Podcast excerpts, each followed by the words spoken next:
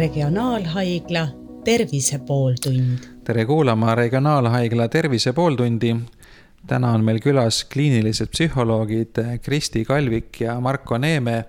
ja me räägime sellisest levinud haigusest nagu ärevus või ärevushäired. kõigepealt, kuidas seda üldse ära tunda, et inimesed ikka on aeg-ajalt ärevad ja muretsevad, mis hetkest alates see muutub nagu siis haiguslikuks nähtuseks ja kus see piir täpsemalt läheb? tere, ma alustaks sellest, et mis, mis see ärevus üldse selline on, et, et ärevus ja ärevushäired ei ole tingimata üks ja sama asi. et äre, ärevust võib siis defineerida kui emotsiooni, millele on iseloomulik siis selline see on subjekt-, subjektiivselt ebameeldiv ja, ja sellega kaasneb selline hirmutunne eh, tuleviku ees. ja, ja seda omakorda võib eristada hirmust, et hirm on siis seotud mingisuguse vahetu ohuga ja samas ärevus on siis mingisuguse ohuga, mis, mis ei ole vahetu, vaid, vaid on kuskil tulevikus. see võib olla reaalne, see võib olla kujuteldav. Eh, ja lisaks võib öelda, et et kõik emotsioonid koosnevad mitmest komponendist, nii ka ärevus,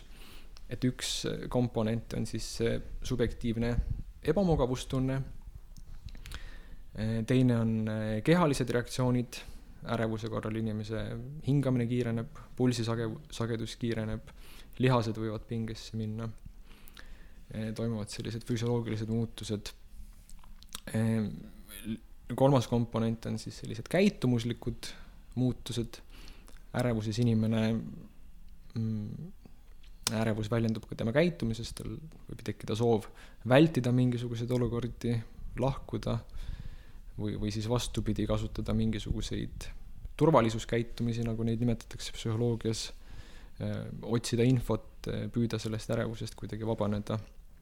ja lisaks neljas komponent võiks olla siis see kognitiivne ehk mõtlemise pool, et ärevusega sageli kaasnevad muremõtted, sellised negatiivse sisuga stsenaariumid asjadest, mis võivad halvasti minna. ja sageli äh, ärevus on täiesti normaalne äh, reaktsioon siis mingisugustele sündmustele või, või välistele tingimustele. ja normaalne ärevus on, on kasulik, äh, selline kohastumuslik funktsioon in-, inimese kehal, see aitab inimest mobiliseerida, tema, tema vaimseid ja, ja kehalisi eh, võimeid siis selleks, et, et tagada parem toimetulek ohtlikutes situatsioonides või pingutust nõudvates situatsioonides. ja, ja normaalse ärevuse korral siiski säilib inimese võime lõõgastuda, see ärevus on, on paindlik, see vastab olukorrale. Samas kui, kui ärevushäire korral võib siis juba öelda, et, et see ärevus on kas liiga intensiivne selle olukorra suhtes või liiga kestev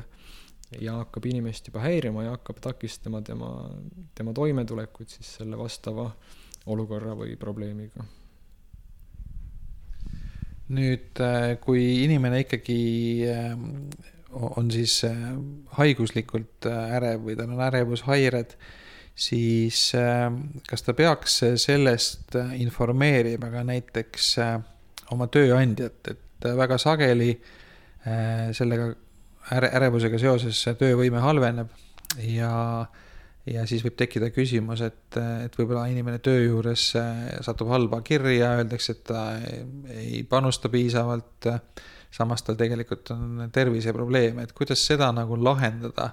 sest noh, teisest küljest on ju tegemist delikaatsete isikuandmetega ja, ja tööandjal nagu pole õigus äh, sellist infot äh, nõuda, et, et kuidas seda lahendada, et inimene ikkagi teavitaks tööandjat oma probleemist, aga samal ajal äh, jääks see sellise, ei ületaks nagu privaatsuse piire. tere ka minu poolt. Ehm, tõenäoliselt peaks ärevushäiretes üleüldse ka Mm, suhtuma sarnasel viisil nagu teistesse haigustessegi. et kui see ikkagi ähm, töötamist häirib, on oluline anda mm, sellisel üldisemal moel tõenäoliselt äh, mm, tööandjale ka sellest teada. et liigselt detailidesse ei, ei tasu ju minna, aga et, et, et põhjus, miks ma võib-olla praegu tööl nii hästi hakkama ei saa, on põhjus ärevus ja, ja sellega ma näiteks siis tegelen, et, et see, sellist infot võib anda küll ka tööandjale. aga kas inimesel on kasulik sellises olukorras kuidagi paluda siis lihtsamaid tööülesandeid või või just vastupidi,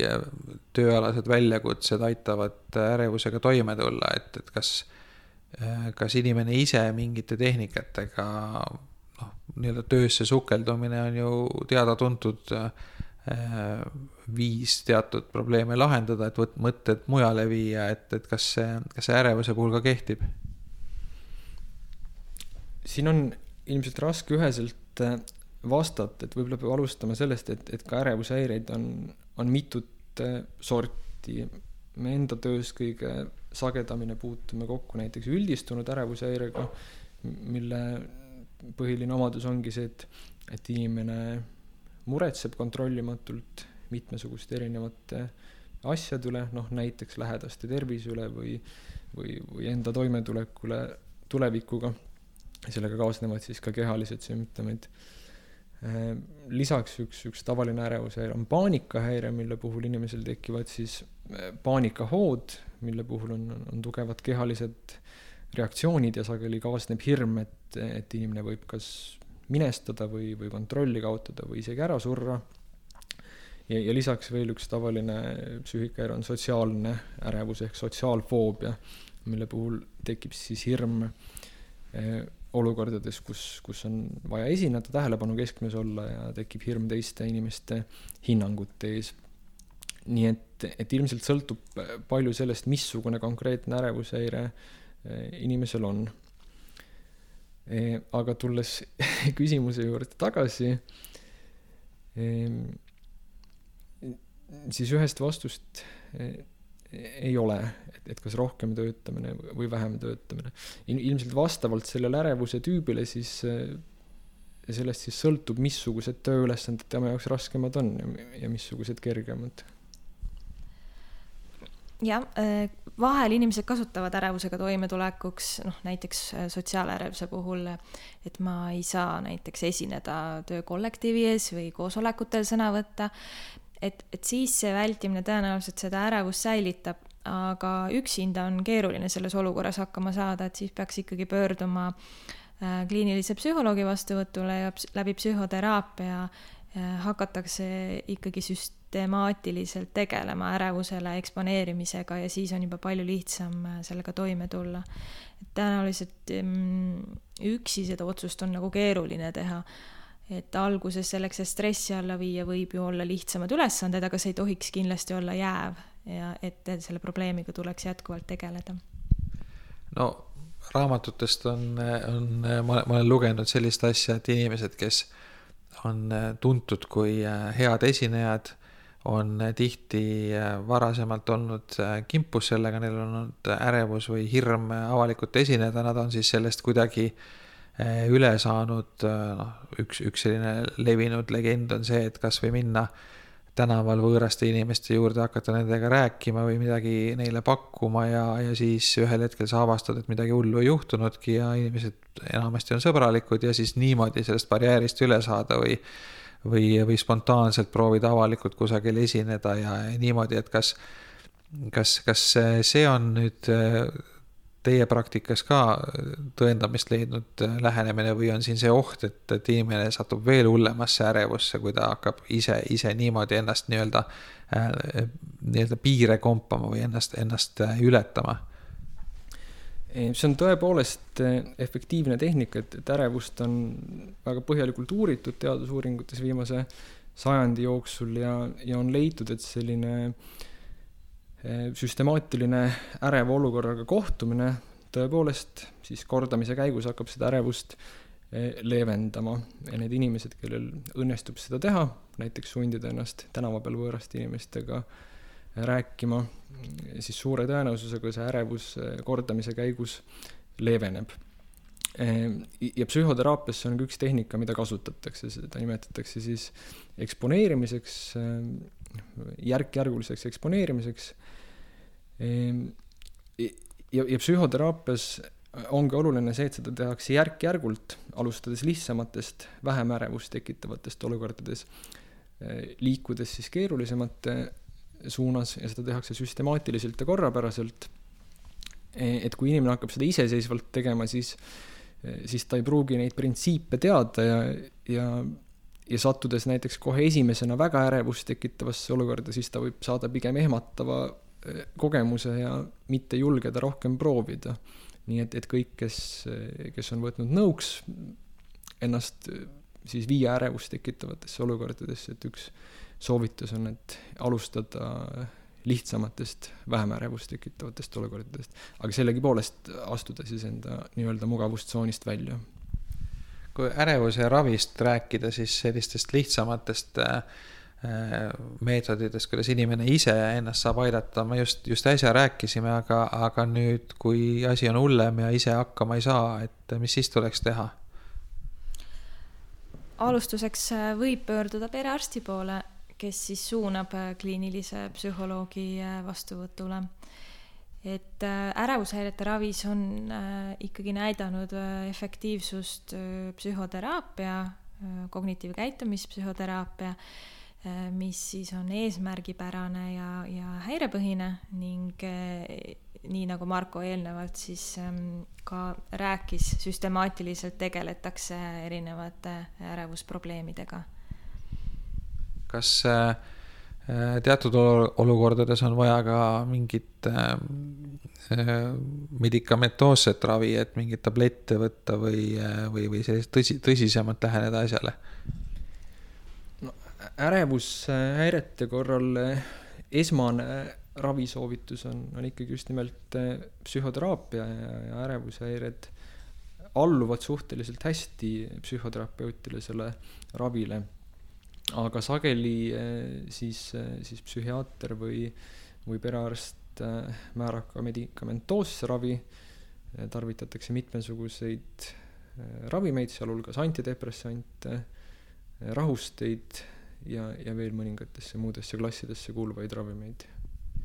kas ärevus on, on selline seisund, mis äh, esineb üldjuhul äh, nii-öelda üksinda iseseisvalt või on see midagi, mis käib koos teiste psüühikahäiretega ähm,? ärevus, ärevushäiretest võib tuleneda sellist vältivat ähm, käitumist, mille tulemusena inimene jääb rohkem isoleeri-, isoleeritumaks ja ärevusega võib siis kaasneda sageli ka depressiooni. ja, ja, ja selle, seda tuleb siis ka ravis ähm, võtta arvesse, et alustuseks äh, tegeleda nii depressiooni, aga et depressiooniga, aga et siis probleemi peamised on, säilitab ärevus Eh, lisaks on teada, et, et ärevushäired on omavahel komorbiidsed, mis tähendab seda, et et inimesel võib olla korraga mitu ärevushäiret, näiteks ei ole väga ebatavaline, et inimesel on nii üldistunud ärevus kui sotsiaalne ärevus kui ka näiteks paanikahäire. Kui palju neid eh, inimesi on, kellel üldse ärevushäire on, kui levinud see elanikkonna seas on, ma ei tea, kui palju teie näiteks puutute kokku selliste inimestega? no mina isiklikult äh, töötan osakonnas, kus suurem osa patsientidest on psühhootiliste häiretega, nii et, et pigem vähe, küll aga ärevuse häired on, on kõige levinum äh, psüühika, psüühikahäirete äh, klass. Ehk siis psühholoogid üldiselt nende, nendega puutuvad oma töös kokku kõige rohkem. Jah, peamiselt, ähm, kes siis psühhoteraapiasse tulevad, ongi ärevushäiretega patsiendid, sellepärast et ärevus on niivõrd vastik ja ebameeldiv tunne ja, ja inimesed tõesti tahavad äh, sellest vabaneda ja, ja seetõttu nad äh, otsivad äh, ka rohkem abi kuidas vanemad võiks ära tunda, et nende lastel on ärevushäire, sest tihti laps ise ei, ei saa sellest aru ja, ja noh, eriti teismeeas kus niikuinii on äh, lapse psüühika üsna selline ebastabiilne, et siis, äh, siis võib-olla on raske aru saada, et mis hetkel on see lihtsalt selline teismelise tujutsemine ja mis hetkel äh, on, on asi tõsisem, et, et kuidas te, mis nõu te vanematele annate, et, et mis hetkest alates oleks vaja psühholoogi abi otsida? ärevuse puhul tavaliselt ikkagi ähm, inimesed kogevad sellist ebameeldivat kehalist sümptomaatikat ja, ja teismeliste puhul äh, võib-olla oleks mõistlik kuulata nende nii-öelda kaebusi või mis, mis neid häirib ja kui laps ikkagi ei lähe enam kooli või, või ei suhtle enam tavapärasel viisil äh, sõprade ja teistega, et siis võiks ka uurida neid põhjuseid ja, ja konsulteerida näiteks alustuseks siis äh, perearstiga, kes oskab juba paremini ära tunda ärevushäire.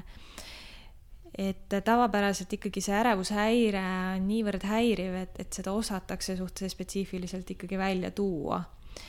et, et kas süda peksleb või, või, või on selline õhupuuduse tunne või, või, või siis, kui märkate, et laps kipub väga palju muretsema igasuguste erinevate asjade pärast, mis ei allu kuidagi praegu ja täna sellele kontrollile. Ja, ja selle tulemusena on laps ka kuidagi rohkem äh, närviline või, või häiritud ja kurvameelne, et, et siis tasuks ka kindlasti juba äh, last abi poole suunata, et leida selliseid toimetulevamaid meetodeid jah, ma nõustun Kristiga, et, et muretsemine on üks asi, mis paistab välja, vältiv käitumine on teine asi, mis paistab välja, et kui laps hakkab mingisuguseid olukordi või, või inimesi või kohti vältima ja, ja lisaks siis need kaebused, mida ta ise esitab, näiteks kehalised kaebused. aga teisest küljest noh, ärevushäire äratundmine võib olla raske ja, ja üks lapsevanem ei, ei peagi oskama seda teha aga noh, nende märkide korral siis jah, võiks, võiks kuhugi pöörduda konsultatsioonile, kas siis perearsti või psühhiaatri või, või psühholoogi juurde. kui äh, inimene ise nüüd on selline nagu piiri peal, et tal ei ole päris äh, tõsine asi, aga ikkagi päris kindel ta ka ei ole, et aeg-ajalt äh, muutub ärevaks, et kas on mingeid selliseid tehnikaid või harjutusi või, või midagi, mida ta saaks ise nagu regulaarselt enda heaks teha, et siis seda üldist fooni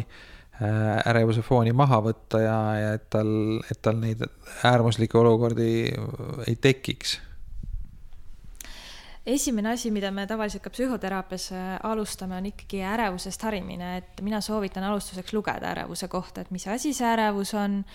äh, mis ta endast täpsemalt kujutab ja, ja seeläbi oskavad inimesed ennast tõenäoliselt ka paremini abistada. tehnikatest võib-olla nii palju, et ähm, Mm, et on inimesed, noh, levinud on see soov, et ma soovin ärevusest kohe lahti saada. et tegelikult kõige lihtsam äh, tehnika ongi ärevuse aktsepteerimine ja oma tegevustele keskendumine, ehk et mida rohkem me ärevusele keskendume, seda suuremaks ja häirivamaks see ärevus ähm, läheb. ehk siis äh, jätkata oma igapäevaseid tegevusi koos ärevusega ehk et ma olen öelnud äh, oma patsientidele sageli, et ärevus on justkui selline tüütu sõber, kes käib äh, külas. Äh, aga kui me talle tähelepanu anname, miks ta peaks ära minema, aga kui me aktsepteerime, et ta tuli, aga tegeleme oma asjadega edasi, siis ta ei häirigi meid enam. Neid erinevaid võtteid on tegelikult päris palju, näiteks on, on väga palju eneseabiraamatuid, mis, mis räägivad ärevusest. mõned neist on rohkem asjalikud, mõned vähem. lisaks viimasel ajal tehakse väga palju telefoniäppe, mis, mis on siis ka mõeldud ärevuse leevendamiseks. igasugused hingamisäpid, meditatsiooniäpid, joogaäpid. et, et ka sellest võib alustada. ja, ja ma nõustun siin ka Kristiga, et, et alustaks lugemisest, et, et tihtipeale lugemine aitab aitab kuidagi mõtestada ja, ja anda mingisuguse sellise esmase tööriista enda ärevusega toimetulemiseks. no te nimetasite siin äh, nutirakendusi, aga samal ajal on teada, et äh,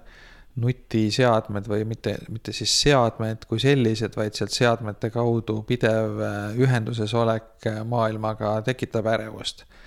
et et äh, tihti inimesed äh, esimene asi hommikul ja viimane asi õhtul vaatavad internetist, loevad sealt uudiseid või on sotsiaalmeedias. ja, ja ma tean päris paljusid inimesi, kes ka öösel, kui nad juhtumisi üles ärkavad, siis igaks juhuks vaatavad telefonist veel oma postkasti üle, et ega ei ole mingeid halbu uudiseid tulnud. et tegelikult see nutisõltuvus ka omakorda tekitab ärevust, et